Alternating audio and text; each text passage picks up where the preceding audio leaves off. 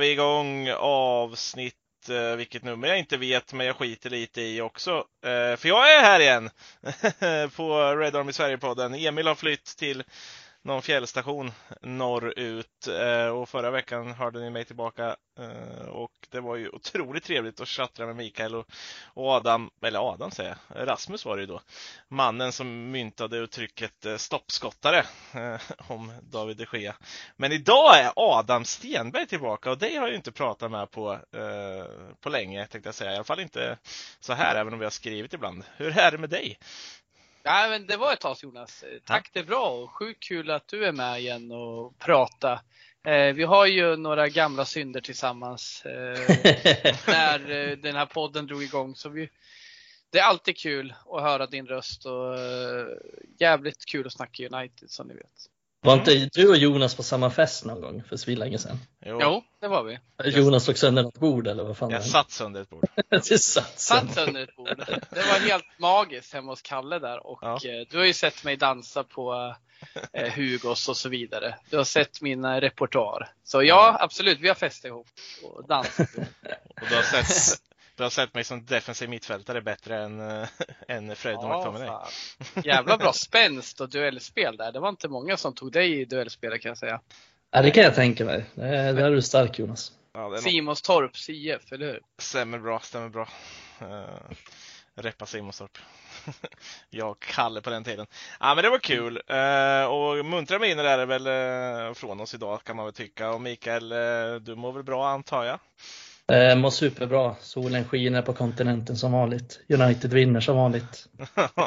eh, rockat min United-kopp med stolthet på jobbet. Ja. Så det är livet leker, som man säger. Det är nu ja. lyssnarna kommer in, kollar in bara, fan väntar du, trycker jag på rätt avsnitt eller är det 2012? United vinner som vanligt. ja, precis. Precis slagit Aston Villa och säkrat ligatiteln. Exakt. Ja, ni hade, ni räknade inför förra avsnittet, då var det en sådär 60-70 avsnitt någonting ni hade lyckats spela in efter mig, så jag bara, det var, det var ett tag sedan jag var med. Jag runnar lite vatten under broarna. Mm. Eh, men kul! Kul är det och eh, som sagt, eh, ja, vi kan väl dra igång direkt.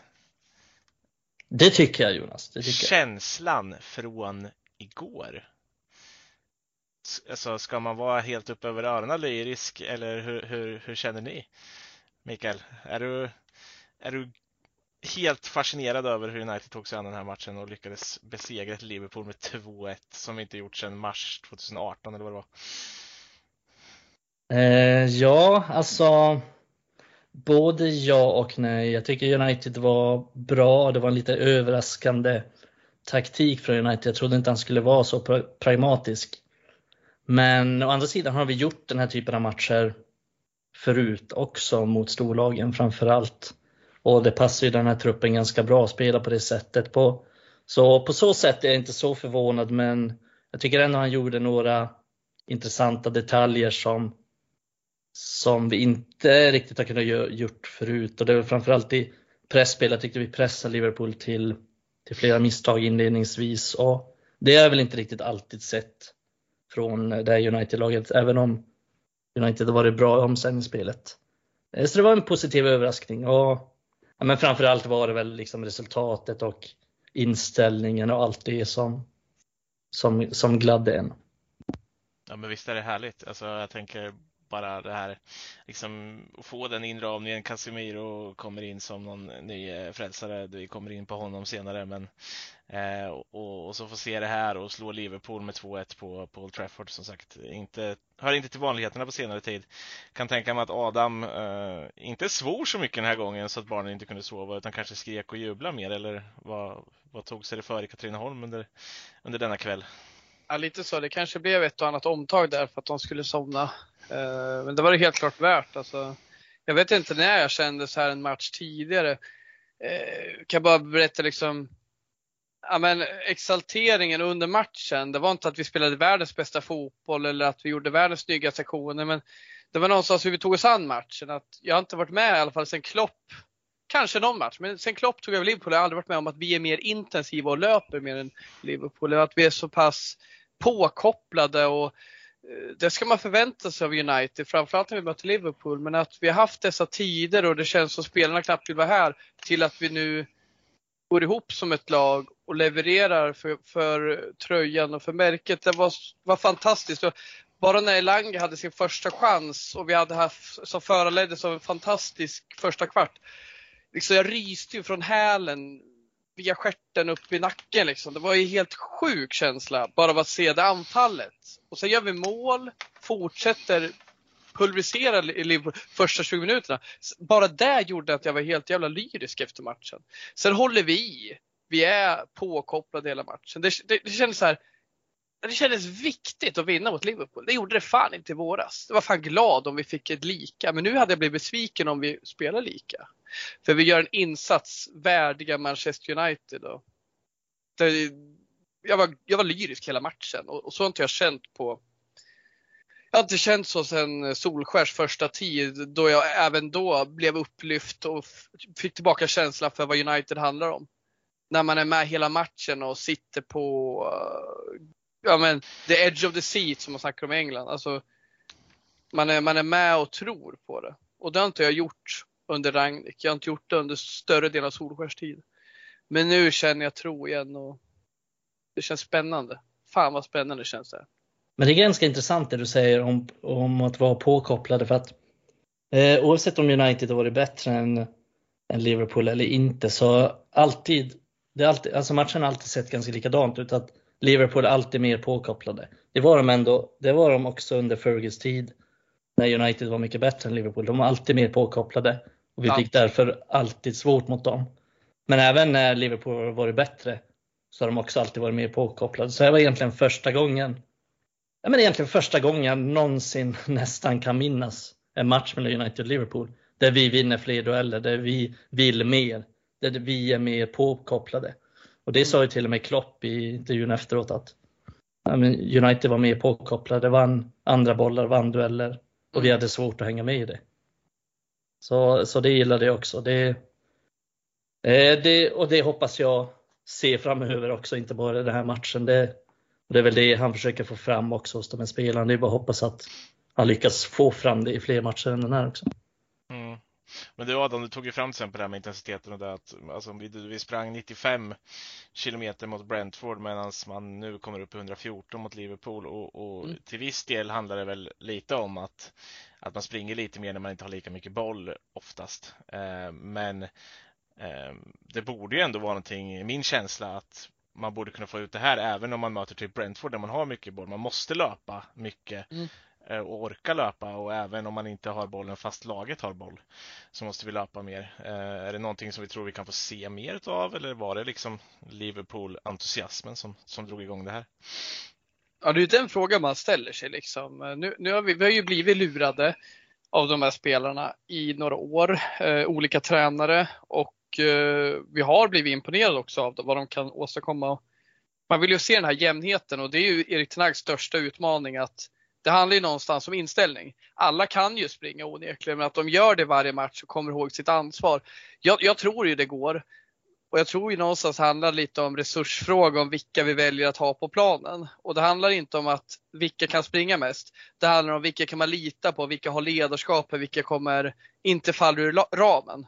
Och där till exempel är ju, som jag ser det, kanske lite veka spelare i Shaw AVB psykiskt, verkar inte så jävla starka i sitt ledarskap, verkar lite timida. Kanske inte rätt personer för det här och då känns det intressant att få in till exempel en spelare som Malaysia som verkar ha inställningen. Eh, vi har även, jag tror Fred kan vara en sån spelare som jag tror sällan gör folk besvikna intensitet och ledarskapet att vilja bidra till laget. Så han tror jag också man kan lita på. Men jag tror det handlar om en sån resursfråga det kan vara värt för ett Erik Ten Hag att följa upp Martial nära där och påminna han om sitt ansvar. För han har ju tappat historiskt. Men det kan ju bidra på ett annat sätt vi kommer gå in på senare. Men där tror jag absolut att det handlar om resursfråga. Eh, det handlar kanske inte nödvändigtvis exakt vilka som är rätt, men det finns vissa spelare som förmodligen kommer göra han besviken eh, gång på gång när det kommer till att erhålla ett pressspel, löpa varje match och vara påkopplade kort och gott. Det handlar om mentala aspekter. Det är ingen coachning sådär du behöver ha. Det är bara att du behöver, eh, ja, men du, du behöver ha ledarskapet och den är svår att coacha. Jättesvårt att coacha. Mm. Ja, men alltså, man märker väl på alltihop där att det är liksom påkopplat igår. tajmingen satt där med, med, med, med pressen också. Det var inte det här att någon pressade för sig själv lite som det kan se ut ibland. Jag tyckte till exempel mot Brentford att, att även om man försökte någon fullplanspress, lite som när, när Ragnik skulle komma in och vi skulle fullplanspressa, så, så, så bara sprang de hej vilt eh, lite för Mm. sig själva. Igår var det ju verkligen, ja men vi pressar där för att Bruno ska komma och ta bollen där och, och missar Bruno bollen då är McTominay där. Och på så sätt så får vi till exempel i Langa-läget att McTominay bryter den passningen, eh, slår upp den mot Bruno och ja, får fram den till Langa. Sen kan man säga vad man vill. Han missar den, men ja, till exempel. Ja, men jag tycker överlag att han har utvecklat pressspelet, alltså inte bara den här matchen. Jag tycker att eh, nu har ju pressspelet varit extremt dåligt säsongerna innan, så det är väl kanske ingen stor bedrift, men jag tycker väl ändå att trots liksom fadäserna mot Brentford och Brighton, men kanske framförallt matcherna på försäsongen och nu mot Liverpool, så tycker jag ändå att han har fått till en bättre synk i pressspelet. Och han la ju verk, verkligen eh, vikt på det inför matchen och sa det till och med inför matchen att det är därför han ställde ut den här startelvan som han gjorde. Han ville ha ett bra pressspel och att han ville att alla skulle göra ett stort jobb i, alltså att alla offensiva spelare inte bara skulle vänta på att få en chans liksom att spara energi för att kunna sätta, om man får en målchans, utan han ville att de skulle ösa sin energi på att jobba stenhårt i 90 minuter. Men även liksom behålla skärpan när väl läget kommer, för det ska de klara av att göra. Så han har också höga krav på dem. Eh, och det gillar jag. Jag gillar att han, att han har den inställningen mot spelarna, men också att han riktigt tänker till inför matcherna. Eh, nu, alltså det är svårt för Ragni kanske som interimtränare att komma in och bara sätta Ronaldo på bänken, även om jag tror att han ville göra det. Men han gjorde ju aldrig riktigt det och därför kunde han heller inte utnyttja sitt spel till fullo. Eh, jag tror inte Solskjaer heller, jag tror inte Solskjaer varken vågade eller ville lägga Ronaldo på bänken heller. Så det är också, det handlar om ett mod från Ten Hag och det gav, det bar frukt den här gången. Precis, och, och med tanke på mod där då. Eh, han visar väl något form av mod. Ronaldo kan man väl prata om att han inte är fit. Uh, han spelar, ja, vad gjorde han, åtta minuter plus tillägg någonting sånt där. Uh, men han väljer att bänka kaptenen Harry Maguire inför den här matchen och spela eh, uh, Varann och Martinez istället. Uh, är det mod vi ser? Är det bara taktiskt? Eller vad, vad säger du Adam? Är det liksom vad är det vi ser från Ten Hag i det här fallet? Liksom? Ja, men jag, tycker, jag tycker absolut det är modigt. Eh, och han kräver ju, alltså ska han, ska han uppfylla sin eh, taktiska potential som han har, då måste han vara modig och måste ta jobbiga beslut. Och i det här fallet är ju faktiskt, man kan ju säga att det är, det är inte så svårt att Peter Maguire, han är ju eh, liksom eh, dålig tycker många. Och då kan man argumentera för att han inte är vår bästa back, men liksom, han är ändå varit, haft förtroende för Maguire under försäsongen. Jag tycker det har varit rätt att ge förtroende. Det finns delar i Maguires spel som vi behöver så liksom det är ganska tufft att peta en sån, sin lagkapten också. Helt plötsligt ska du satsa på honom varje match och nu, han har ju spelat hela tiden Maguire, nu ska du bort. I vår viktigaste match på hemmaplan, det är klart det är tufft. Och Ronaldo inte minst. Det är jättemånga som skyddar Ronaldo fortfarande fast han har eh, pissat på vår klubb hela sommaren. Och det är klart det är tufft att han gör den här matchen och får det utfallet, det är ju jävligt kul att se tycker jag. För vi behöver inte Ronaldo i den här matchen. Vi behöver pressspel. Vi behöver ett kollektiv. Och vi kommer kanske behöva ha Ronaldo i vissa matcher för vi, vi behöver ha närvaro i straffområdet och en målfarlighet. Ja, han är väl en av få han är väl en av få tränare någonsin som har vågat peta Ronaldo. Nu är det för sig lättare när Ronaldo vill bort och är liksom 37-38 år, men, men ändå. Det, det, är en ganska stor grej. Så det tycker jag han ska ha cred för. Ja, och det är ju inte så att han petar honom för sin andra populära striker som har levererat. Det är ju liksom tredje valen han använder centralt, vilket blir Rashford då, som man tar in centralt. Och det, det, tycker jag, det tycker jag är modigt. Och jag tycker att, alltså, att, att ta in varann i det här läget, det tycker jag så här. jag tycker det är helt rätt och jag tycker det... Fingertoppskänsla. Absolut, absolut. För det är så. Maguire har inte, in, han har inte individuellt eh, försämrat oss, tycker jag, initialt den här säsongen. Det har varit mycket, det har varit kollektivt haveri av olika anledningar. Vi har bland annat pratat om centrala mittfältet som ett problem. Men ledarskapsnivån höjer han ett snäpp. Och, och har man inte ledarskapsnivån, vilket jag inte tycker att Maguire har och vilket jag tycker att Varann tillför. Ja, det blir problem i ett kollektiv i en backlinje. Särskilt när vi har nya spelare som såväl är nya i landet som i klubben. Vi, vi behöver hålla ihop dem här. Vi behöver sätta förväntningar, säkerställa att de är påkopplade till det här gänget. Med Malaysia som är ny. Vi har Varann, tänkte jag säga, Varann, vi har Slaktaren och vi har Dalot som eh, alla behöver sin coachning, sitt stöd för att hålla ihop backlinjen. Och jag tror inte på Maguire, men det är min bild. Jag, jag tror inte på honom som ledare där och, och jag tror att det är ett fundamentalt problem att vi behöver en ledare tillbaka. Men fan i helvete ska jag uttrycka mig Var Varann levererar den här matchen. Som Mikael säger, det är fingertoppskänsla att ta in han här. Och att göra det med Martinez, jag tycker de kompletterade varandra så jävla bra, Varann och Slaktaren. Jag kommer inte kalla Martin, han ska fan heta Slaktaren framöver. The Butcher, det är för blekt. Det ska vara slaktaren. Slaktarens grabb. Slaktaren, det är väl enda gången det är liksom starkare namn på svenska än på engelska. Oftast brukar det engelska versionen vara lite mer slagkraftig. Men slaktaren. Låter ju som en karaktär tagen ur Åshöjdens BK typ. Eh, de böckerna för ja, dem. Absolut. Det hade kunnat vara Jonas Andersson på mittfältet. Och det kan vara folk som säger, vem fan är slaktaren här på planen? Ja, det är den här lilla killen. Är han slaktaren? Ja, men kolla han på planen. Alltså andan. Mm aggressiviteten och sen såklart fotbollsspelaren. Skitbra passningsfot, bara blir helt jävla, ja men fan det är nog våra bästa passningsfötter tycker jag. Men framförallt tycker jag i defensiv synpunkt som vi är inne på, Peter Maguire, har Varann och Martinez som fan drar ihop fingerkrok och bommar igen. Det ska fan inte en jävel förbi här. Och de mm. kompletterar varandra så jäkla fint och där känner jag att hade aldrig hänt om Erik Ten Hag inte hade så stora kulor. Och vågar sätta prägel på laget, vågar utmana ödet. För det är sådana aktioner vi behöver för att eh, kliva framåt. Vi kan inte falla in i trygghet. Vi behöver ge spelare som Martinez, Malaysia chansen i dessa stora matcher. Även fast man kan dra klyschan, jag hade en för stor match för en ny spelare. Nej, de ska in och visa vad de går för. Och det kanske är det här vi får se framöver. Det återstår att se. Men Malaysia, Martinez, Ja, fy fan vad vackert att se.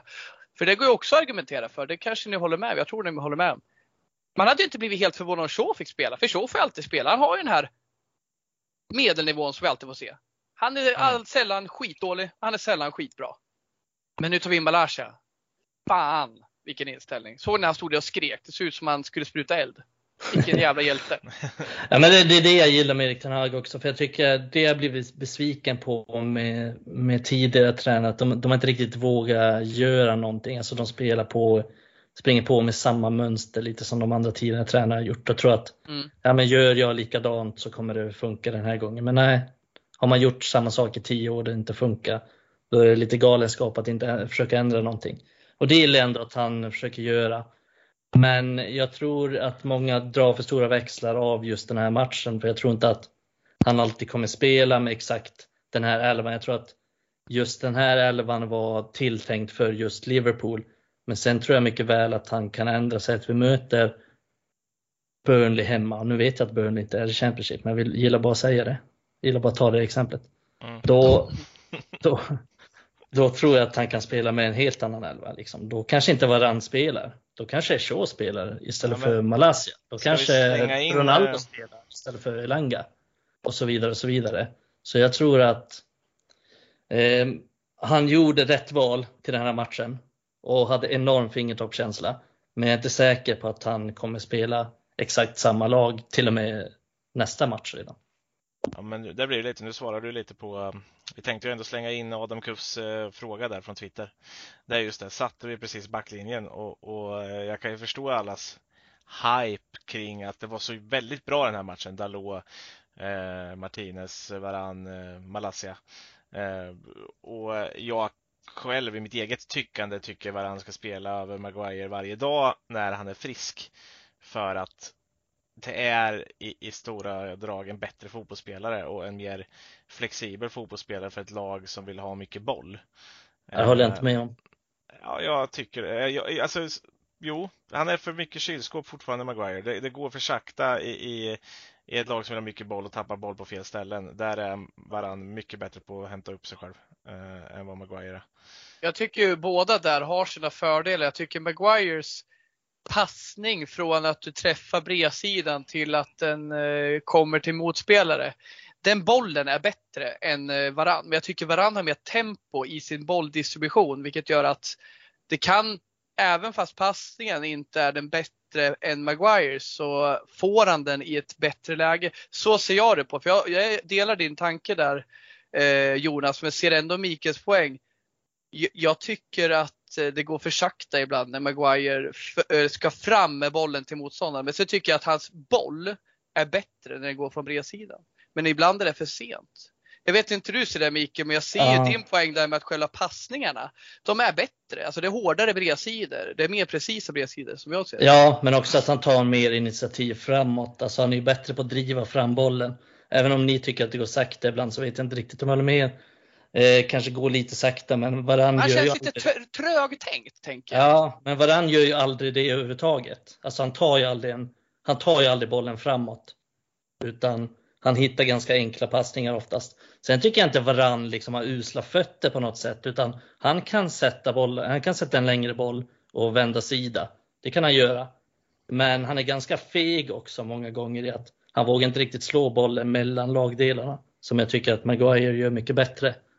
Eh, men sen, sen har Varann andra förtjänster och det är det jag menar med att jag tror att Erik Ten Hag kommer vara flexibel. Att, ja, men han kan spela Varann mot Liverpool som är mycket rörligare som är mycket bättre på att ta sig. Att han kommer en mot en mot, Sal mot Mohamed Salah, ja men då är ju varann tio dagar i veckan före Maguire. Och han är ju väldigt bra i de situationerna. Men spelar vi hemma mot Burnley, ja men då kanske vi inte behöver varann. Då kanske vi har mer nytta av Maguire. Och jag tror att Erik den Hag resonerar på det sättet så jag är inte säker på att han kommer spela med samma backlinje hela tiden. Nej, och det kanske han inte kommer. Jag vill bara slänga in vad jag tänkte där också. Det är ju just att när man tittar på de matcherna Brighton, Brentford som vi har mött och, och, och de gärna får kontringar på oss, vilket eh, ett spel som Den Hag spelar, ja men det blir ju så automatiskt att det kommer bli en del omställningar emot oss.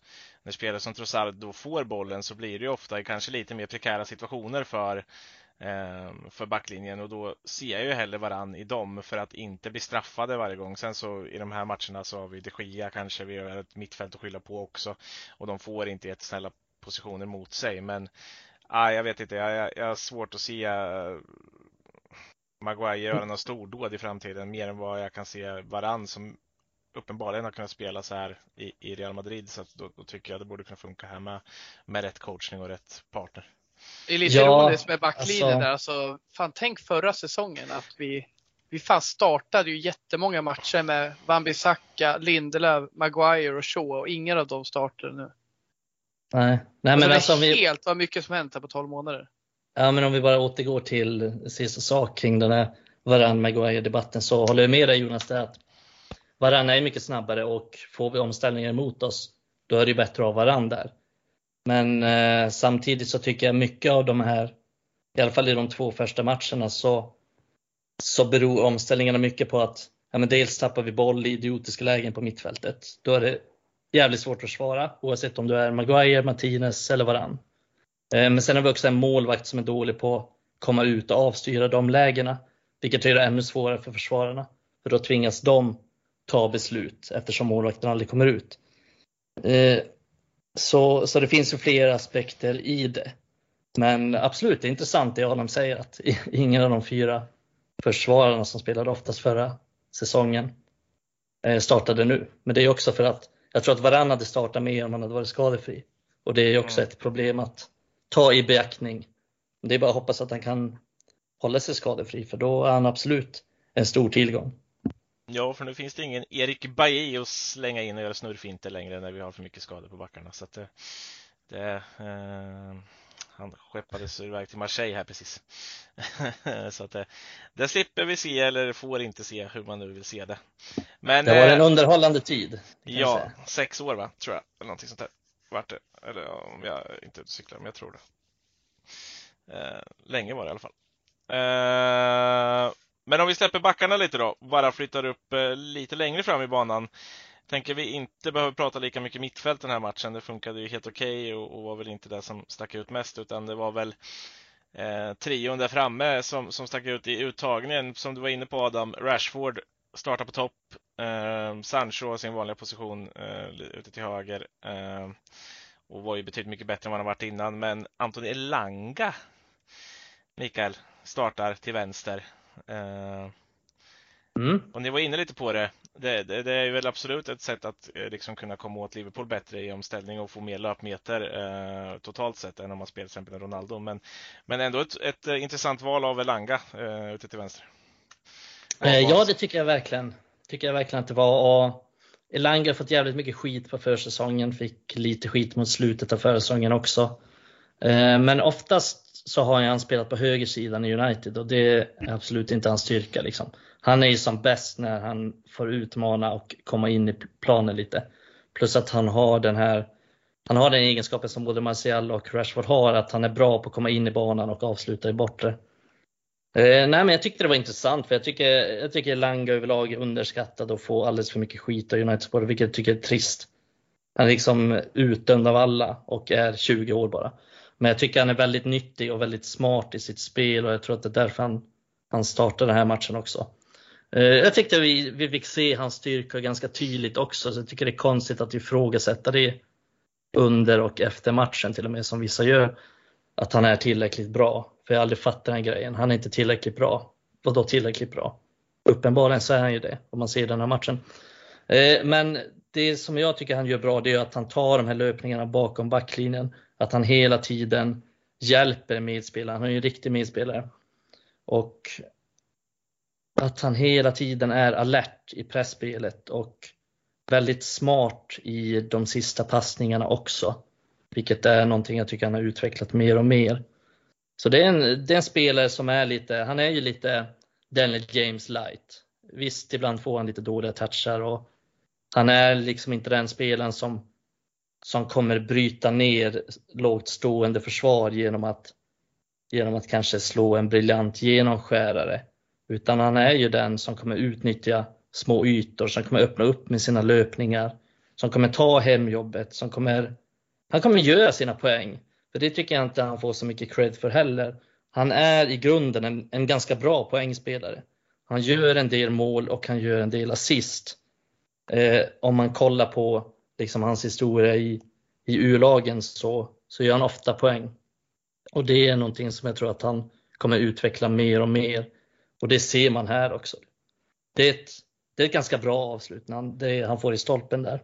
Mot kanske världens bästa eh, målvakt en mot en dessutom. Och han gör den här assisten, vilket är en jättebra passning in. Så han, han, har den potentialen i sig också. Han är inte bara en, eh, en som gör ett stort jobb liksom i det tysta, som springer mycket. Han kan också utmana sin försvarare. Vi såg hur stora problem Alexander Arnold hade och han kan göra poäng. Så han kommer bara bli bättre. 20 år som sagt. Eh, jag tycker det är konstigt att man, att man dömer ut det och det är kul med en egen produkt och en svensk också som får den chansen. Ja, men det är ju, det är riktigt roligt och, och, nu får han ju bara 45 minuter. Jag kan inte riktigt se vad hela meningen var med att byta ut honom exakt efter 45 minuter, men Ten Hag är säkert en bra tanke. Eh, men vad blir förändringen där liksom? Att man, man tar in Martial som jag också tyckte gjorde en väldigt bra insats när han kommer in, väldigt bra med bollen, Otroligt. Ja, men helt, helt otroligt. Han, han fortsätter ju faktiskt på det fina från försäsongen. Han eh, är trygg mm. med bollen, han gör rätt beslut med bollen, han slår bra passningar, han är ändå framme och visar sig och kanske eh, kunde haft en assist där om inte Alisson än en gång visar som du säger att han är en av de bästa en mot en eh, och kommer ut och avvärjer. Eh, mm. Så han kan ha haft två assist i den där matchen. Eh, det, det, eh, verkligen. Det är fantastiskt liksom. Men vad, vad blir liksom förändringen där och, och, och, vad säger vi om Martial? Ja, men jag tror väl att eh, jag gissar nu bara, men eftersom han, han inte han inte fått frågan om det tror jag, så vitt jag vet. Men det som jag tänker att han ville ha, det, det är att han ville ha någon som höll i bollen lite mer, som kan hålla i bollen. Eh, för eftersom United blir ganska duktigt tillbakapressade i slutet av första halvleken och sista kvarten var det ju ganska mycket eget straffområde. Så jag tror han, han ville ha någon som kan hålla i bollen. Och det tycker jag Martial är extremt bra på. Eh, så med facit i hand var det helt klart rätt byte och jag är glad att han vågar göra sådana byten. Eh, jag tror faktiskt att Martial hade startat om han var redo för 90 minuter. För han är ju så otroligt bra ibland i det här omställningsspelet. Och tillsammans med Sancho så har han ofta tajmingen att släppa bollen vid rätt tillfälle. Något jag, något jag kan sakna hos övriga offensiva spelare som vi har. Men han har också förmågan att värdera. Jag vet inte om ni tänkte på det. Men i slutet av matchen så har han så jävla bra förmåga att värdera när han ska dra ner på tempot.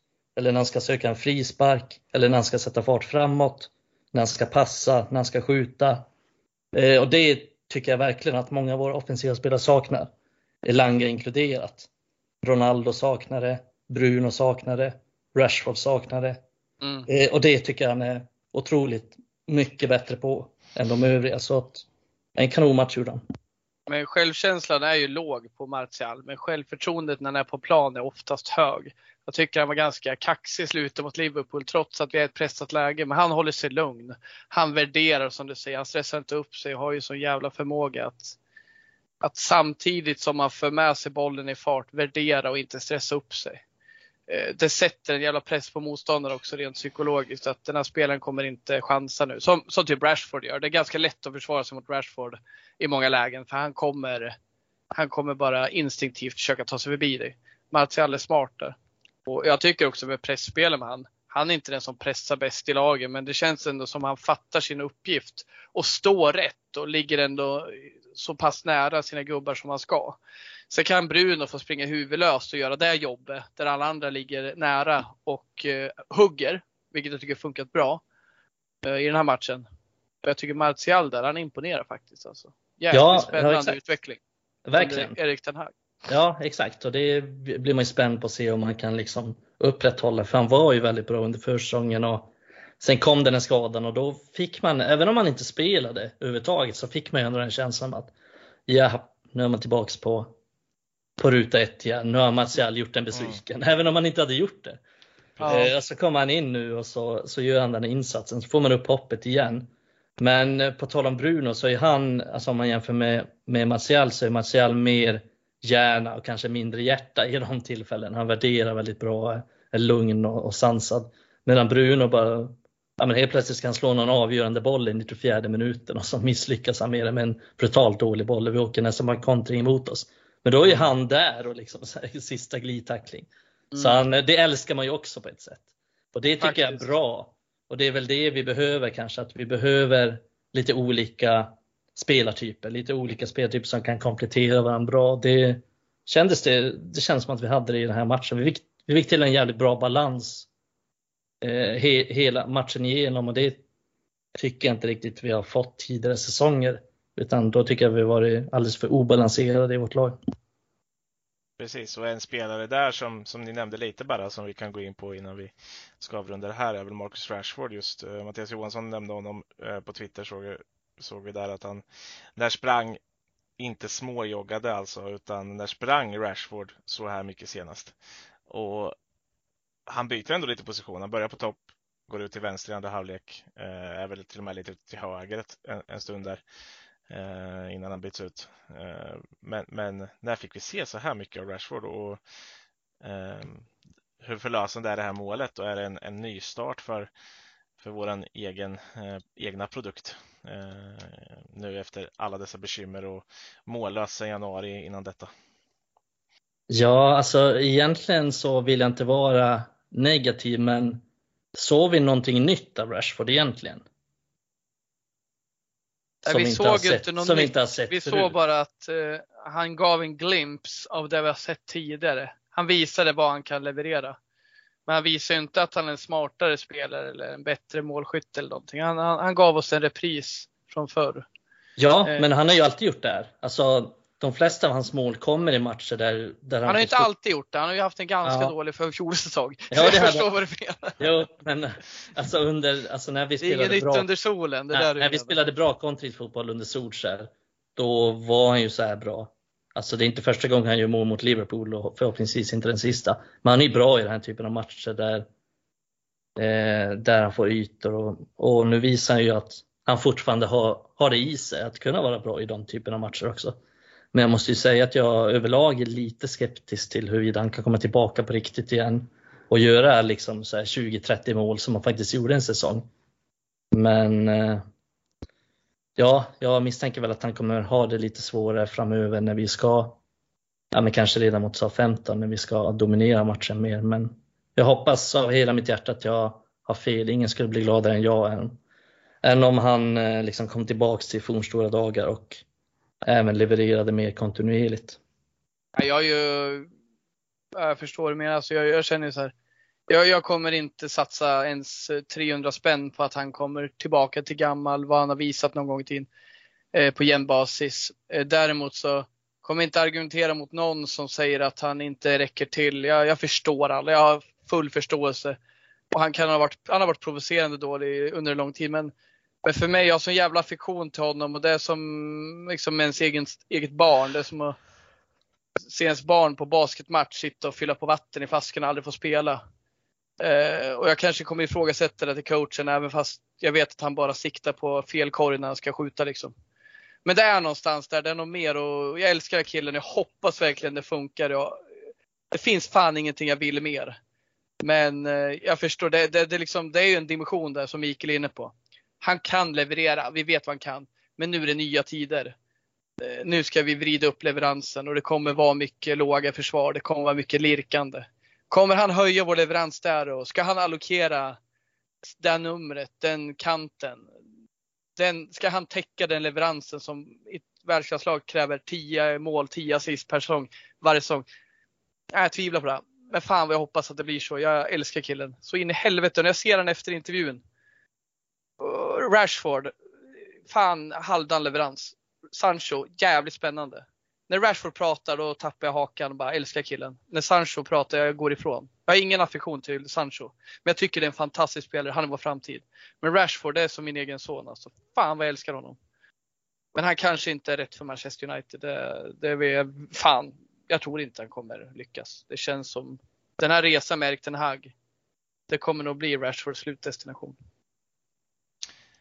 Ja, och eh, vi avrundar väl egentligen Liverpool-snacket med, med Adams kärleksförklarelse till Rashford här och tar vi med oss eh, tre poäng i alla fall. Vi ligger före Liverpool i tabellen och eh, det är väl bara blicka framåt och se vad som kommer.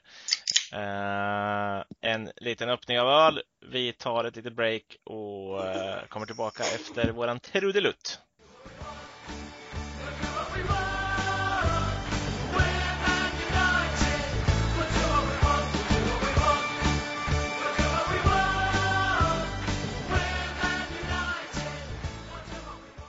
Så då. Eh, ja, då kör vi igång på nästa punkt på listan efter Liverpool då. Eh, och eh, kan väl konstatera att vi har ett aktivt Manchester United på, på transferfönstret, eller i transferfönstret kanske man ska säga, eh, sista veckorna här. Eh, en klar eh, spelare i alla fall, eh, en brasiliansk defensiv mittfältare så som vi har skrikit efter det. Eh, världsstjärna är han väl också till viss del. Eh, Casemiro. Vunnit det mesta i Real Madrid. Nu klar för Manchester United. Är han frälsaren vi har sökt efter? Vem av er vill börja? Adam? Du får ordet. Ja, frälsaren vi har sökt efter, det vet jag egentligen inte om han är. Men jag är fan jäkligt spänd på den här, det här tillskottet. Så jag tror han kan bidra med jäkligt mycket men Eh, jag tror inte det var det här vi sökte efter. Jag, jag, och många med mig kallade ju efter ett ankare eh, innan säsongen. Men det, är inte, det har varit tydligt att det är inte där riktigt som eh, Ten Hag har eh, eh, varit ute efter. Först och främst var det ju de Jong och det har ju varit som det varit och sen har det varit lite med Rabiot. Men sen har nog den här luckan öppnat sig och han har blivit spänd tror jag inför det och jag tror han kommer hitta en bra tillvaro för vårt mittfält med Casemiro kan behöva, tror jag, vi kan komma in på det här, lite förändring och så. Men jag tror det är, jag tror det är rätt spelare för nu. Eh, absolut. Hur det ser ut i framtiden. Jag tycker det är viktigt att vi tittar långt fram. Men när det har blivit som det blir på marknaden är jag glad att vi kan få in resurser som gör att eh, vi kan få en långsiktig plan med Erik Ten Hag och att han fan inte får kicken i februari för att vi kör McFred. Eh, men det är en bra spelare så jag, det ska bli jävligt spännande att se vad han, han gör. Men han kommer inte lösa alla problem själv, det tror jag inte. Vi kommer behöva eh, runt om honom tillföra kreativitet. Eh, det kommer vi. För han är ingen kreativ spelare, men han är fantastisk på det han är bra på. Ja, han gick ju Mm. själv ut och, och sa att eh, hans målassist är hans brytningar eller återerövringar utav boll. Eh, vilket såklart låter lite sexigt i ens annans öron när man inte har sett en spelare vilja ha det på, på sitt eh, statistikschema efter matcherna. Eh, men Mikael, vad, vad säger du om denna värvning? Eh, nej, men jag är väl lite halvt inne på Adams linje i alla fall. Att det är väl klart att det här är en förstärkning, men det hade väl nästan vem som helst varit i dagsläget. Så, så frågan är liksom, mina farhågor är väl mer liksom i det ekonomiska, hur värt det är att ge en spelare som är 30 plus ett så enormt stort kontrakt och en så hög övergångssumma för en spelare som, som är över 30 och som aldrig har spelat i, i ligan eller spelat i landet överhuvudtaget. Eh, så där är väl mina, där är jag väl lite tveksam till att det blir ekonomiskt en bra affär på lång sikt. Men eh, det är väl ingen snack om att här och nu så är det en förmodligen en fantastisk värvning. Jag har inte jag kan liksom inte sitta och säga att det kommer bli si eller så. Men jag tror att han på kort sikt kommer vara väldigt bra. Men det, frågan är vad det, vad det är värt det helt enkelt. Att, att, att han är det för att den här säsongen så kanske United kommer femma, sexa. Eh, Och frågan är vad vi kommer nästa säsong och säsongen efter det. Och helt plötsligt så är han 33-34 år. Och då kanske vi står där och behöver värva ännu fler spelare för dyra summor.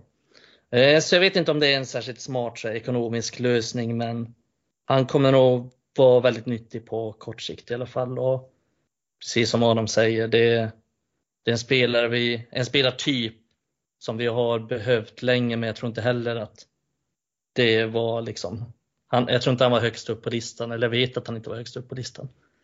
Eh, så det är väl vad det är. Men jag tror att det blir en bra förstärkning på kort sikt i alla fall.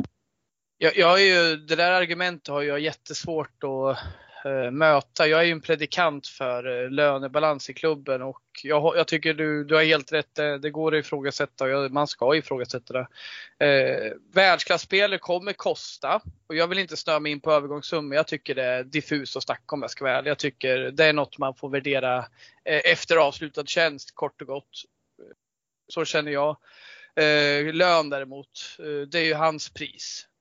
Eh, övergångssumman är ju klubbens pris. Men han sätter ju sitt pris. Det här är mitt pris till United. Det här är vad jag, och sen möter jag era krav. Och efter era ambitioner. Och de är ju för höga i klubben överlag. Eh, Det jag kan försvara i det här läget är liksom att ja, men vi har redan fuckat den här balansen förra året när vi tog in tre spelare på jättehöga löner och även om det kunde kännas som vi var på väg åt rätt håll. Under förra säsongen skulle vi krasst kunna gjort av oss med de Gea och satsat på Henderson. Men det gjorde vi inte. Ni förstår vad jag var inne på.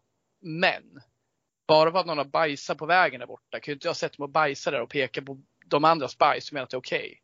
Vi måste ju någonstans få slut på det här och det verkar ju inte vara den här sommaren som vi fick ordning på lönebalansen. För det var ju så i början att det kändes ju som, fan Martinez, han kommer inte hit för pengarna och fan inte Eriksen heller och så. Inte Malasia.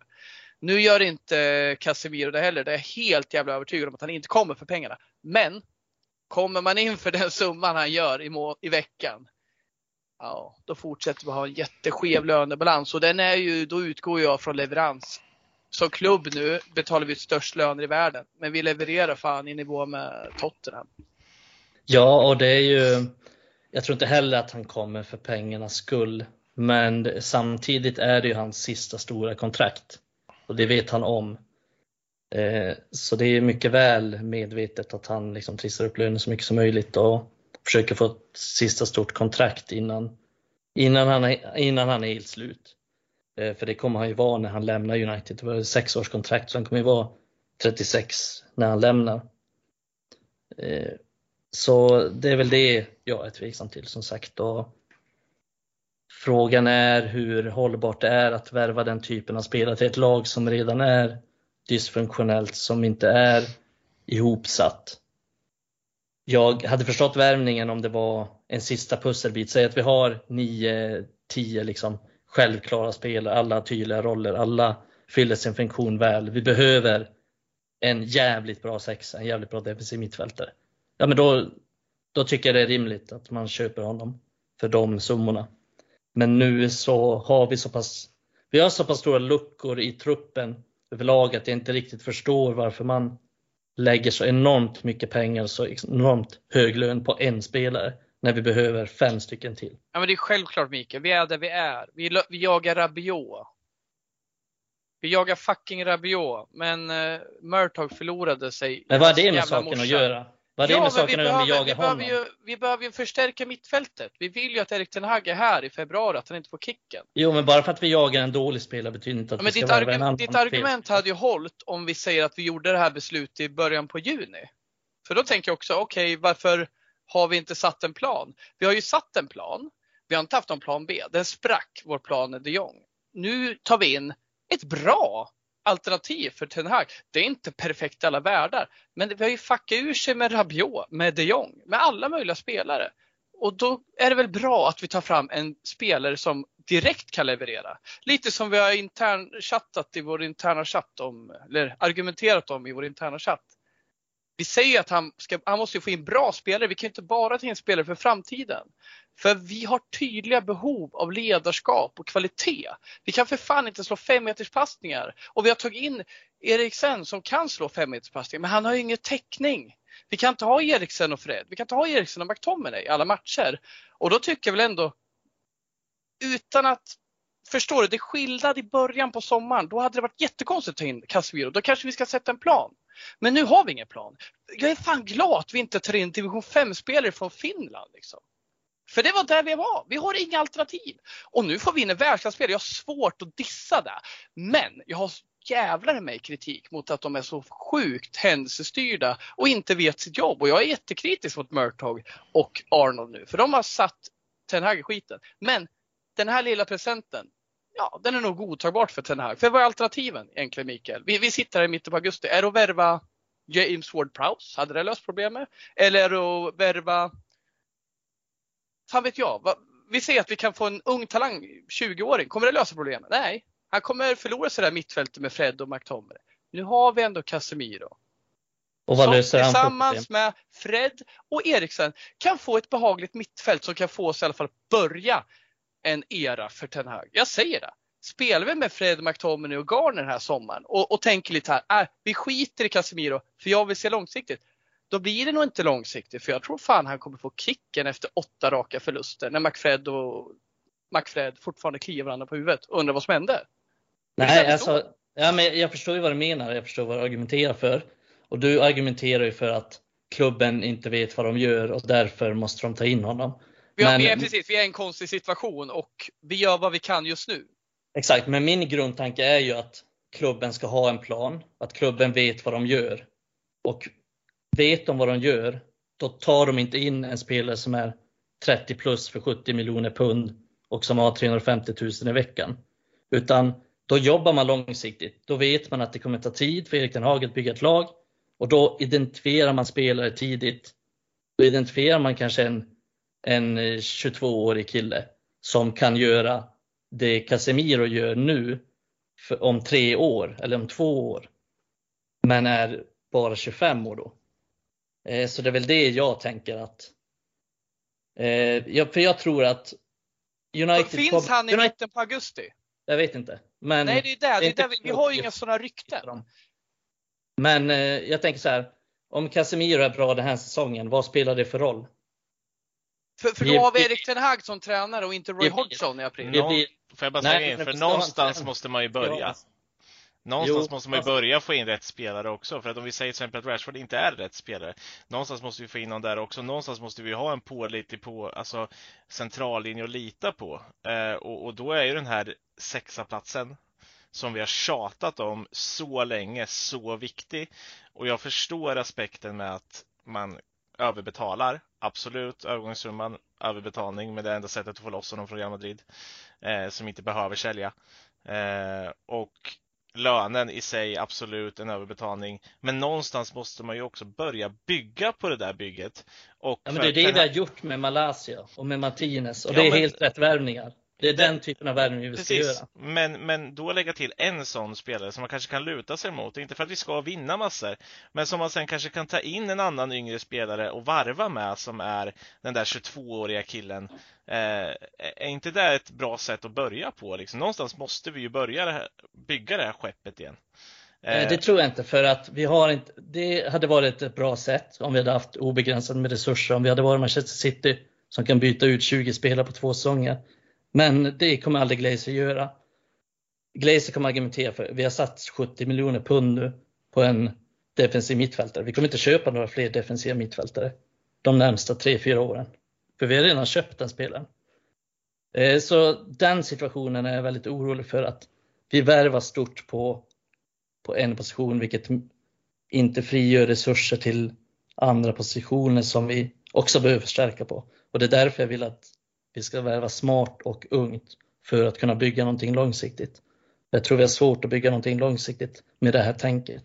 Jag ser det så här att vi har ju anledning nu att naturligt kunna slussa in talangfulla, orutinerade spelare från akademin när vi har trygg spelare som Casemiro. Alltså istället för att ta in eh, norrmannen Hansen, Hannibal eller eh, vad heter det, Aimo tänkte jag säga, fan nu får jag inte fram ordet. Maino, Maino. Ja, men, med Fred och McTominay, eller göra med Casemiro. Ni hör ju, alltså det finns ju faktiskt resurser internt och, och, det kommer ju bli lättare. För det spelar ingen roll om det är Hannibal eller om det är Chouameni eller vad han heter. Ni vet han gick till Madrid. Jag tror ingen av dem hade levererat med McTominay och Fred.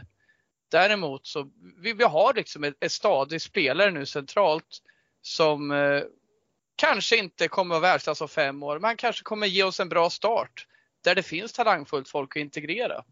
Och Hannibal kanske inte är rätt spelare, men jag tror han har bättre förutsättningar nu än han hade för två veckor sedan att komma in i laget. Nu är Hannibal ett dåligt exempel Mikael, men du förstår min poäng med till Maino. Ska, ska mm. Maino spela bredvid Fred och bli en bra spelare? Nej, han kan nog fan bli det med Casemiro, tror jag. Ja, nej, det, det argumentet köper jag helt. Eh, men sen eh, är jag inte liksom, jag är inte stensäker på att det blir en succé. Eh, men ni, men ni verkar vara det. Om vi tänker på värvningarna United har gjort genom åren.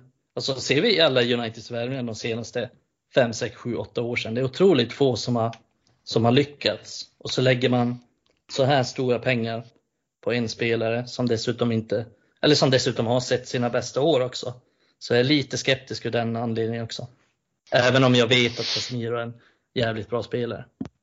Mm, Nej, alltså jag kan, inte, jag, kan inte, jag kan inte säga att jag är stensäker på att han kommer leverera, men han har allt underlag för att leverera och framförallt tycker jag det känns som han har helt jävla rätt mindset. Jag blev fan tagen av hans jävla farväl till Real Madrid och hur han pratar om att han ska till United.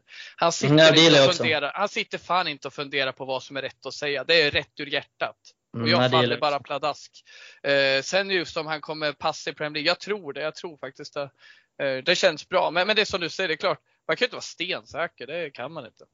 Nej, och det är ju, alltså, om, vi, om vi kollar på de andra klubbarna, de andra storklubbarna, de kanske de mest framgångsrika klubbarna, så gör ju de väldigt sällan den här typen av värvningar också. Vilket jag tycker säger en del. Men ja, jag, jag hoppas att jag har fel och att han ger oss, ger han oss, eh, säg, ja men tre riktigt jävla bra säsonger, då får man ju vara nöjd med det. Då säger jag att han har kanske, då har han fortfarande i och för sig två, tre år kvar på kontraktet, men, men ger han oss tre bra säsonger, men då kommer jag ändå vara hyfsat nöjd med, med eh, värvningen. Men det är ju också att han ska uppfylla de kraven också. Det är ju som vi har sagt, som vi har sett tidigare också. Jag hade ju stora förhoppningar på många lite äldre spelare när de kom. Jag trodde Schweinsteiger skulle vara bra. Jag trodde, trodde kanske inte att Ronaldo skulle vara skulle vara perfekt i United men även där har man ju blivit lite besviken på hur utfallet har blivit. Eh, även om det kanske inte är helt och hållet Ronaldos fel men men samma med Cavani också. Cavani var ju bra en säsong där men sen blev det inte så mycket mer. Och, och Zlatan var väl lite samma också, att han var riktigt bra en säsong men sen blev det inte heller så mycket mer när han åkte på skador och det blev lite si och så. Så det är ju, man är lite orolig i den historiska aspekten också att United inte alltid har lyckats med den typen av, av värvningar. Nej, och eh, jag, jag tänkte så här, jag hade också högre tankar när de kom eh, om typ Schweinsteiger och sådär. Ja, men men, men jag, jag, vill ändå särskilja lite med att Casemiros karriär den kommer inte öka nu. Han kommer inte växla upp och bli bättre. Men däremot han kommer ju från ett Champions League-vinnande lag. Eh, han är given i Brasilien så nyligen var i Copa America final. Han är liksom, det är en bra, det är en bra spelare fortfarande. Eh, Onekligen, helt klart. Eh, en given spelare. Liksom. Så jag tror ju så här, lite som jag sagt. Eh, inte i vår argumentation, men just här. Kommer han för pengar eller inte? Nej, han, han, han ser nog fans över axeln och känner att jag kommer nog inte vara helt jävla hundra i det här laget nu när man har lagt in en miljard av någon valuta på Chouameni. Det är klart som fan de kommer lägga korten i den, eller äggen i den korgen nu framöver. Och ja, det, kommer det, är ju, det är smart försäljning av Real. Det är ju det. Det är jättesmart försäljning och det är smart karriärval av honom att känna när han får den här ja. chansen. Eh, ja, verkligen. Jag tycker det påminner, nu var Varann, när han kom till United var han 28 kanske. Men det 27 påminner, tror jag, men jag kan ha fel. Ja, men någonting sånt. Men det påminner lite om, om varandra faktiskt. Eh, där Real har någon slags gut feeling om att ja, men nu kanske det är läge att sälja, casha in lite. Och även om Varann var jävligt bra mot Liverpool, jag får säkert kritik när jag säger det här, så har ju inte varit någon stor succé i United än så länge. Eh, så nej, jag är väl lite skeptisk av historiska anledningar också. Det är inget emot Casemiro som spelar för att han har varit jävligt bra de senaste säsongerna. Det är inget snack om saker men det beror på se, vad man mäter. Om man mäter antalet det... besök i rehabrummet så tycker jag fan han har levererat. Det kan man inte säga något om. Han ah, missar inte ett eh, rehabbesök. Ah, det... han missade ju 17 matcher förra året. Uh, och det är ju fan i mig 12 matcher för mycket på en säsong. Ah, nej, det är det. Det. Och det är en stor utmaning. Och Erik Den Hag, det är det som jag sagt, det är svårt att bygga runt sådana spelare. Shaw har det tufft. Han missade också 17 matcher förra året jag har fan haft respekt för att eh, Ten Hag har inlett säsongen med Maguire. Hur fan, det är svårt att lita på någon som inte kommer till jobbet så ofta som man borde göra. Eh, så du, du har en poäng där Mikael. Jag tycker Varann har varit bra. Men att missa så många matcher, då kan man inte säga att det är en, det är en grym insats han har gjort. Han måste ju vara på planen. Det är lite som Bajy som jag känner och lite som Mikael drar tesen om reservmålvakter. Bajy, han är nog omtyckt och folk skrattar lite åt hans historia. Jag blir bara provocerad hur jävla usel egentligen han har varit hela tiden. Och gjort roliga grejer, absolut. Men han spelar ju sällan. Men det är nog därför folk hyllar han. För det är så sällan man får se honom. Maguire får vi se varje vecka och han gör bort sig, då hatar man honom. Men reservmålvakter som Romero eller Henderson, de spelar inte så mycket. Så det, det, man glömmer lätt bort brister. Mm. Ja, och, och, få, och få, mig, jag... få mig inte komma in på Romero. Fan, då, jag hade en bra dag nu så jag kom in på det. Nej, det är ju en annan spelare. Du har redan pratat Ragnik men... idag Mikael, så det skulle du aldrig göra igen. ja, jag tror, jag tror stenhårt på att Varann kommer lyckas, men, eh, eller jag tror stenhårt på Varann som spelare. Men det återstår att se. Han kan inte vara borta 17 matcher den här säsongen igen. Det går liksom inte. Vi kan inte Nej, ha det så. vi kan inte ha det så. nu måste vi också släppa Varann. Mm. Vi har ju varann här. Vi behöver också Vi har bara varann. Ja, vi har bara varann. Nej, eh, vi ska inte sjunga här i. Eh, men vi behöver däremot ticka vidare lite. Eh, otroligt intressant diskussion med Casemiro och jag, det är helt klart så att det finns eh, olika aspekter att titta på. Vi får helt enkelt se, värvningen är klar. Och, och, vi får väl se lite hur det, hur det ter sig framöver. Men eh, det, det händer ju rätt mycket mer och det kan hända rätt mycket mer i United. Framförallt på Twitter så, så uh, det öser ju på uh, med, med rykten. Uh, det var ju den erkänt duktiga Fabricio Romano som skrev idag att det var eh, viktiga timmar skrev han i början av dagen eh, angående Antoni från Ajax till exempel och Cody Gakpo har ju också varit en, en spelare som har ryktats om men, men vad säger ni där då Mikael? Alltså, är det, vad är det för spelare vi behöver få in överlag? Eh, är det något, eh, är de här två spelarna som vi behöver eller är det någonting annat? Eh, det känns sådär att säga det dagen efter att vi spöar Liverpool utan vår bästa mittfältare Casemiro. Men Casemiro är all ära, vi behöver fortfarande en ny central mittfältare och helst någon som kan styra spelet. Jag tror, alltså, jag tror Eriksson funkar i... Sa jag Eriksson igen? Ja, Ja, det gjorde Visst gjorde jag det? Helt Det är helt jävla sjukt. Vad fan är det? Skjut mig! Sätt en jävla pistol. Censurera Mikaels spelarnamnuttal. Helvete. Bosse Men- Pettersson 2.0. Ja, fan också. Jag tänkte på Bosse häromdagen. Jag tänker ofta på Bosse faktiskt. Maguire! Minns han jämförde Phil Jones och Paul Scholes. Eller så att Phil Jones var den nya Paul Scholes. Det var, det var kul. det var en spaning. Det var en spaning. Nej, men jag tror Eriksen funkar i perioder, men jag tyckte han egentligen, om vi, eh, jag vill inte vara negativ så här, men han var väl kanske den sämsta United-spelaren mot Liverpool. Eh, och såg ganska trött ut tycker jag, speciellt på slutet. Eh, så, så jag skulle känna mig trygg med, med att få in eh, Frenkie de Jong. Fan vad perfekt han hade varit nu när Casemiro också finns tillgänglig. Men nej, en, annars så tycker jag väl att vi behöver en central anfallare eller en ytter som kan spela framförallt på högerkanten.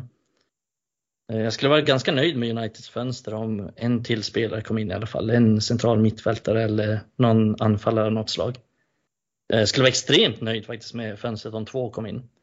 Men som sagt förutsatt att det är rätt typ av profiler och inga kortsiktiga lösningar och just båda de du nämnde Jonas där är väl ändå långsiktiga lösningar får man säga och spelare på uppgång och spelare som verkligen vill till United. Anthony har ju det är ändå skönt, så även om man inte gillar att han har vägrat att träna så gillar man ju att någon vägrar att träna bara för att komma till United. Det, det gillar jag. Eh, så det låter väl som två, två ganska vettiga förstärkningar både på kort och lång sikt. Eh, men sen blir man ju alltid lite tveksam när man ser att klubbarna tar extrema överpriser. Men, men, men kanske man får ta i det här läget.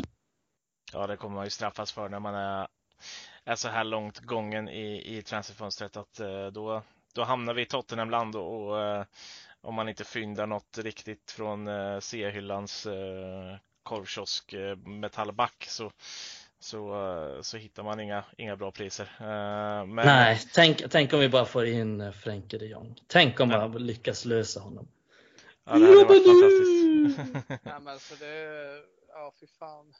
Frenkie de Jong hade varit jävligt trevligt i det laget, det hade jättemycket. Jag har svårt att se liksom hur Anthony ska, ska, ska ge oss så jävla mycket. Det hade man nästan önskat med att vi där skulle jag kunna andas mer ett år än med mittfältet. Jag tycker inte det är alls lika kritiskt. Vi har ändå en hyfsad alternativ eh, på kanterna. Vi ser att Rashford tappar rodret liksom, så har vi ändå lite talangfulla spelare att våga chansa på.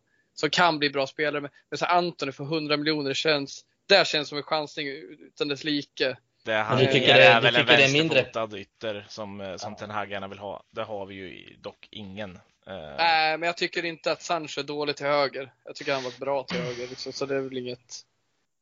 Jag vet inte. Jag, jag, jag förstår att han vill in Antoni, men just här. Fan. Men vi behöver fler gubbar där framme också. Det är väl, Mm. Jo, jag men, men nu snackar vi en chansning för 100 miljoner. Jag menar, Ja. chansa hellre med två spelare för å- 40 miljoner då. Som, du, så, så kanske bevisar i Premier League. Fan vet jag, det känns bara sådär alltså. Mm. Nej, nu, nu, man får väl lita på att Erik som har haft honom känner till honom, eller vet, vet att han kommer lyckas eller vet vad han får. Så det är väl det man får lita på, men jag håller med. Det är enormt hög summa, för hög summa. Men mm. Ja, det är sinnessjukt alltså. Det är det. Nej, och, och så kan det väl vara. Vi får väl se lite vad som händer här nu. Det är omöjligt för oss att sia om, eh, om vad som kommer eller inte. Uppenbarligen så vill ju, vill ju Ten Hag och eh, klubben vilja ha Antoni Antoni vill flytta. Klubben verkar också titta på Gakpo, man tittar på målvakt, man tittar väl även på mittfältare och det verkar inte som att Frenkie de Jong-sagan sagt är helt slut. eh, Dock inte ja, just det! Målvakt. Mm. Eh, Ja, Sista det- jag läste här nu precis under avsnittet var att man hade identifierat, eh, tror det var Trapp. Jag Mm, inte har ja, fel. det står också. Fan. här har man suttit och argumenterat för Henderson och nu sitter vi här. Ja, Med arslet i brevlådan eller vad fan man säger. precis. Fan helt jävla nakna. Och längst upp på silon i Valla står vi nakna nu. För allmänheten att beskåda. Mm. Med de Gea i mål. Den proaktiva. Han var faktiskt helt okej mot Liverpool, det ska han ha. Han var Men det är ju hans typ av match. Ja, det är hans typ av match. Det var... Ja, verkligen. Det är hans typ av match. Eh, Det typ. Även om jag blev helt galen på att han aldrig kom ut på någon hörna och det blev livsfarligt på alla hörnor. Men Han boxade Men överlag så var Jag han- såg det med det egna ögon. jag såg också det. Noterade det. Men i övrigt så var det många bollar som bara damp ner där. Jajamän. Utan Eh. reaktion. Men eh, här- ja, med det då så, så har vi väl Southampton i nästa match som sagt och de Gea lär väl stå i mål.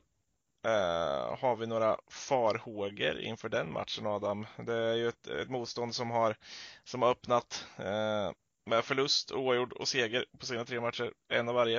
Eh, vi, Half, Hassenhüttel gäller ju sitt fullplanspressspel och det har ju gått sådär i vissa matcher. Vi har ju en imponerande seger mot dem och med x antal mål. Eh, och 13.00 på lördag smäller det igen. Vad, vad ser du inför den matchen? Det är intressant. Vi har liksom inte förlorat mot dem på väldigt länge, men det känns som Mm. vi ofta har svårt med dem. Och det jag kan tänka är väl just pressspelet som du, som du nämner, är väl det som ja, men jag tycker de, de är oftast bra mot topplagen och skrämmer lite. Sen, sen kommer de, de riktigt har inte kompetensen för att kliva nästa steg och styra. De är jävligt upp och ner. De har fan en bra höjd alltså. De har, han får till det ganska bra ändå, Hasselnytte, med deras resurser. Jag, jag tycker det är väl en klubb som inte ger sin eh, tränare den backning han kanske förtjänar. Men, men skit i det där liksom. Nu pratar vi United och deras motståndare. Men i den här matchen är väl lite om att eh, det, jag tror vi kommer tillbaka. Vi, vi ska inte tänka så mycket hur det var mot Liverpool. Nu är vi lite tillbaka eh, mot utmaningarna som vi hade i Brighton och Brentford. Brighton gillar att hålla boll, men de valde i matchen mot United att inte hålla så mycket boll och det var inte till vår fördel och det var samma i Brentford. Och jag tror det kommer vara likadant nu och det är väl det jag ser som utmaningen. Vi kan ha problem med att etablera ett spel. Casemiro kommer in och gör oss tryggare, det kommer han. Frågan är om vi så här tidigt i hans karriär eh, kan vara trygga med synken på mittfältet. För det har varit ett stort hål. Eh, och risken är att det fortsätter kan vara det även om han kommer in nu initialt. Så jag, jag ser det som lite otäckt. De är bra i pressspelet. De har några spelare som alltid levererar mot oss. Eh, och vi har mycket oavgjorda resultat. Det är ganska tufft på St. Mary Stadium. Mm. Så uh, mitt tips här. Fan, fortsätt med Martial. Eh, Starta han gärna. Men tar vi in Ronaldo den här matchen? Jag vet inte. Nej. Det, det kan vi mycket väl göra. Men jag vet inte. Jag hoppas inte det. Men det kan mycket väl vara så. Martial måste starta den här Martial matchen. Han måste måste starta. det. Jag hoppas det. Men jag vet inte. Jag, säger- jag har lite rädsla att Men jag känner ju, ja, Ronaldo, det blir lite Brighton-känsla över den här matchen igen. men han kommer ju få extremt svårt. Alltså det är 12 spelare, han kommer få extremt svårt att peta i den här matchen. Och det är alla de som startade plus Martial. Alla de förtjänar ju att spela den här matchen kan jag tycka. Men sen är jag inte säker på att, på att det blir samma startelva ändå. För jag tror att han mycket väl kan göra förändringar. Eftersom det kommer bli en annan typ av match. Eh, jag tror han ser en annan matchbild framför sig som passar andra spelare i truppen bättre. Eh, men det, nej, det kommer bli en intressant match och det är intressant det du sa om SA-15 också för jag tycker att de har en av ligans svagaste trupper egentligen. Och de visar sällan någon ambition av att förstärka den särskilt mycket. De värvar en hel del på ungdomsnivå så det är väl där de lägger sina pengar. Värvade två stortalanger från Tottenham bland annat. Som eh, United och City och Liverpool vill ha men så gick de till SA-15 för att de erbjöd mer pengar. Det var lite intressant. Men eh, sett till den här matchen så, så tror jag att det kommer bli en match där United styr och vill styra. Och det tror jag kommer prägla Ten Hags tänk och hans startelva också.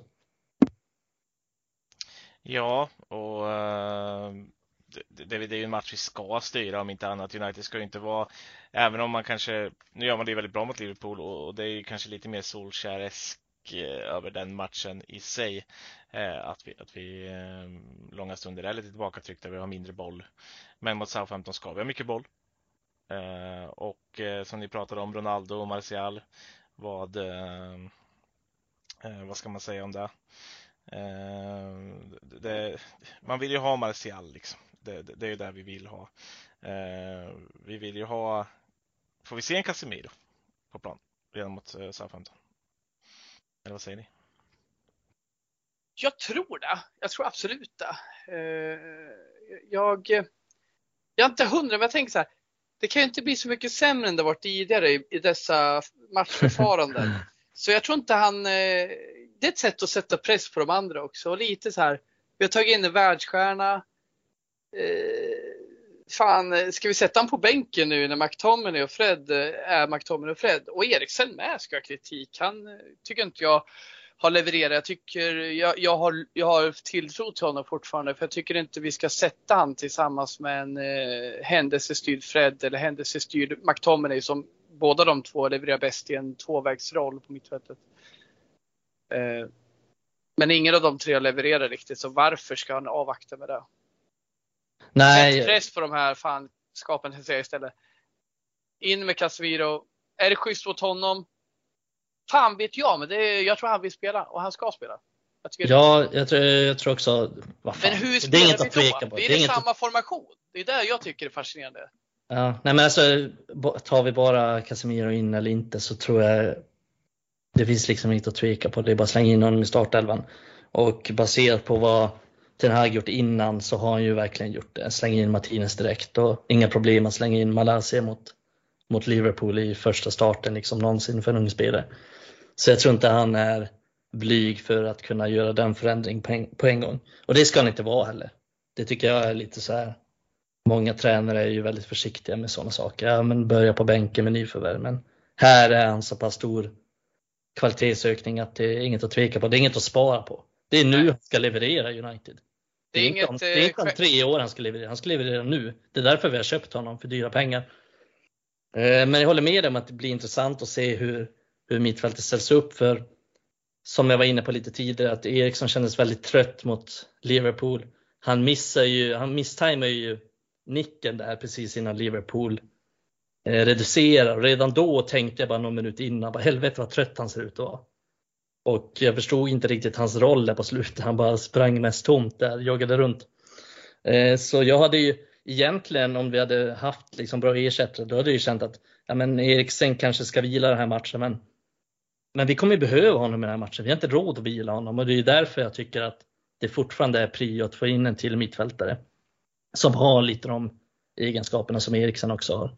Som har den här spelskickligheten och kan styra mittfältet. För det kommer inte Casemiro kunna göra. Det kommer inte McTominay eller Fred fortfarande kunna göra. Så, så vi behöver den spelartypen och vi behöver Eriksen i den här matchen.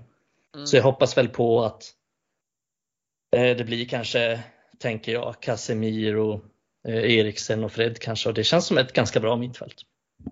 Och det känns jävligt balanserat att ha dem på ett tremanna mittfält. Vi har en tvåvägsspelare, vi har en kreatör som nödvändigtvis inte behöver täcka jättestora ytor och vi har en hållande, en sexa i mm. Casemiro. Mm. Men då kommer ju Bruno kanske bli petad eller någon av liksom yttrarna så det är ju frågan hur han vill ställa upp, om han vill ställa upp 4-3-3 eller 4, köra vidare med 4-2-3-1.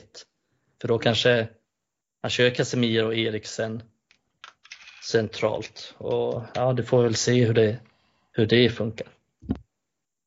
Ja, ja, det blir jävligt spännande för Casemiro kommer ju tillåta att vi har lite olika alternativ på mittfältet hur vi kan göra. Mm. Jag tror ju vi kommer behöva, som du säger Micke, vi kommer behöva Eriksen för han är ju den som står för kreativiteten. Och han är ju bäst med spelare runt om sig som täcker dels ytorna framför mittfältarna och honom, men även att man har en spelare som täcker ytor eh, över, som en tvåvägsspelare i Fred. Alltså vi, vi, kan inte bara ha, vi kan inte tro att vi tar in Eriksen och han ska funka som en central mittfältare som gör lite allt i allo. Eh, som du var inne på igår på Twitter Mikael. Det, ja, det finns folk som tror att Bruno kan spela central mittfältare. Eh, det är ju det är, det är väldigt få av hans egenskaper som passar på centralt mittfält. Och eh, han kan springa, men han vet inte vart han ska stå. Och han kan inte täcka stora ytor naturligt där han hjälper sina lagkamrater. Lite tvärtom. Han eh, går mest på instinkt och är bäst på att göra mål och assist. Ja, han är inte bra i liksom uppbyggnadsfasen. Han tappar mycket boll, han slår i lite galna passningar ibland. Och han är liksom ingen, han är ingen bollvinnare eller närkampsspelare eller så heller. Så det är svårt att se. Däremot är han ju en Han otroligt bra, ja, han har Ja. ett stort hjärta och har varit tidigare i alla fall en otrolig poängspelare, otroligt bra i sista tredjedelen. Mm. Även om han verkar ha tappat det längs vägen. Precis. Men eh, går ni in i matchen med, med en bra känsla då? Går vi ut därifrån och, och har sex poäng med oss inför fortsättningen? Eller? Mikael tror på det? Kick igång den här jävla eran nu. Ja, Med Erik Ten Hag vid rodret. Alltså, han är jävlar vilken fin gubbe det där är. jag, jag kan inte se att vi inte vinner den här matchen. Nej fy fan Mikael vad du är positiv. åt helvete när du säger sådär. Hela tiden. Du tyckte Brighton och Brentford skulle vinna mot och nu går det åt helvete igen. Ja, men någon gång får jag fortsätta säga Ja, någon gång kommer ha rätt. Mikael sa faktiskt att vi skulle vinna mot Liverpool också. samma nummer varje vecka. Till slut blir det rätt. Ja, jag sa att det skulle bli 3-0 mot Liverpool, men Ja. eh, sen, det var ju nära att bli 3-0 där, men sen Ja. förstördes ju planen om att Martinez skulle nicka in 3-0 och dra helikoptern framför Klopp där, men Just det. eh, ja, det var Jonas, du ganska sa väl något om att han skulle skalla Klopps eh, kulor. Det var Fan, fan vad jag garvade. Skalla Klopp. Han står på, han står på varans axlar och skallar Klopp. Ja, Jävla vackert. ja, det är kul. Eh, Generna liksom. Rasmus önsketänkande förra veckan var ju 2-2. Eh, Ja, det var det också var ganska också nära. kul. Eh, Åh, fy fan vad jag skrattar då. Han får önsketänka och då blir det två. två. Han måste bara bli sviken nu. Vad fan Jag frågar det? Rasmus om han blir besviken. Eller så lever han i, i någon form av extas eh, och det är därför han inte är här idag. Jag älskar Rasmus alltså. Vilka jävla citatmaskinerna. Ja. Vet du vad Rasmus sa en gång? Nej. Han sa en gång att han under några års period bara åt samma sak. Han drack, han drack mjölk till frukost och sen åt han, sen hans andra måltid var middag. Då var det kyckling och ris eller kyckling och pasta. Ingen sås. Ingen sås, Det var ingenting. bra så. Bara torrt på och sen nästa dag ett glas mjölk. Sen fortsatte han i tre, fyra års tid. Ah, fy fan. Livet som student. Då gillar man ändå där man äter någonstans. Där man inte Det är skillnaden med att det är Jonas Andersson och det är oxfilé på fredag. Och Det är därför man tippar 2-2 också som önsketänkande. Så Ja, precis. man har dem. Uh, fan. Kul att gaffla med er igen gubbar. Vi ska väl ta och runda av avsnittet. Jag vill i alla fall passa på att påminna alla där ute om att följa de här grabbarna. Eh, både Red Army Sverige på Facebook, Red Army Sverige på Twitter, Red Army Sverige-podden på Twitter. Otroligt kul. Jag lyssnar som jag sa till dem här innan eh, nästan varje vecka. Jag följer det på alla plattformar. Eh, det är eh, extremt kul och eh, jag tyckte det var väldigt roligt att få vara med eh, två veckor i rad här. Eh, och framförallt när Adam var tillbaka idag, eh, Mikael två veckor. Jättekul att få en liten reunion på detta team som drog igång podden en gång i tiden. Jag kan bara hålla Ja, med. mycket Skitkul kul. att ha med dig och kul att du säger att du följer oss och att, ja men det är speciellt att spela in med er också. Fan, det är ju för tre år sedan ganska exakt började vi spela in det här för, från början. Det känns, ju- Är det tre år sedan? ja, det känns helt sjukt att säga att det Mm. gått tre fucking jävla år. Men det är kärlek hela vägen alltså. Fan, det är Mm. kul. Det är kul att få prata om United och det är kul att göra mer. Eh, och vi får väl se vilka som sitter här nästa vecka. Det är lite olika ibland. Eh, men eh, ja, vi tackar väl helt enkelt för, för den här veckan och eh, önskar alla tittare en trevlig fortsatt vecka. Framförallt så hoppas vi alla på att vi är glada efter matchen i helgen. Eh, när vi för en gång skulle spela tidig match och på en lördag. Eh, och det händer ju inte allt för ofta så det är lite kul. Ja. Och ja, annars har väl jag inget annat att säga. Mitt vanliga Bye bye. Hej då! Hej då!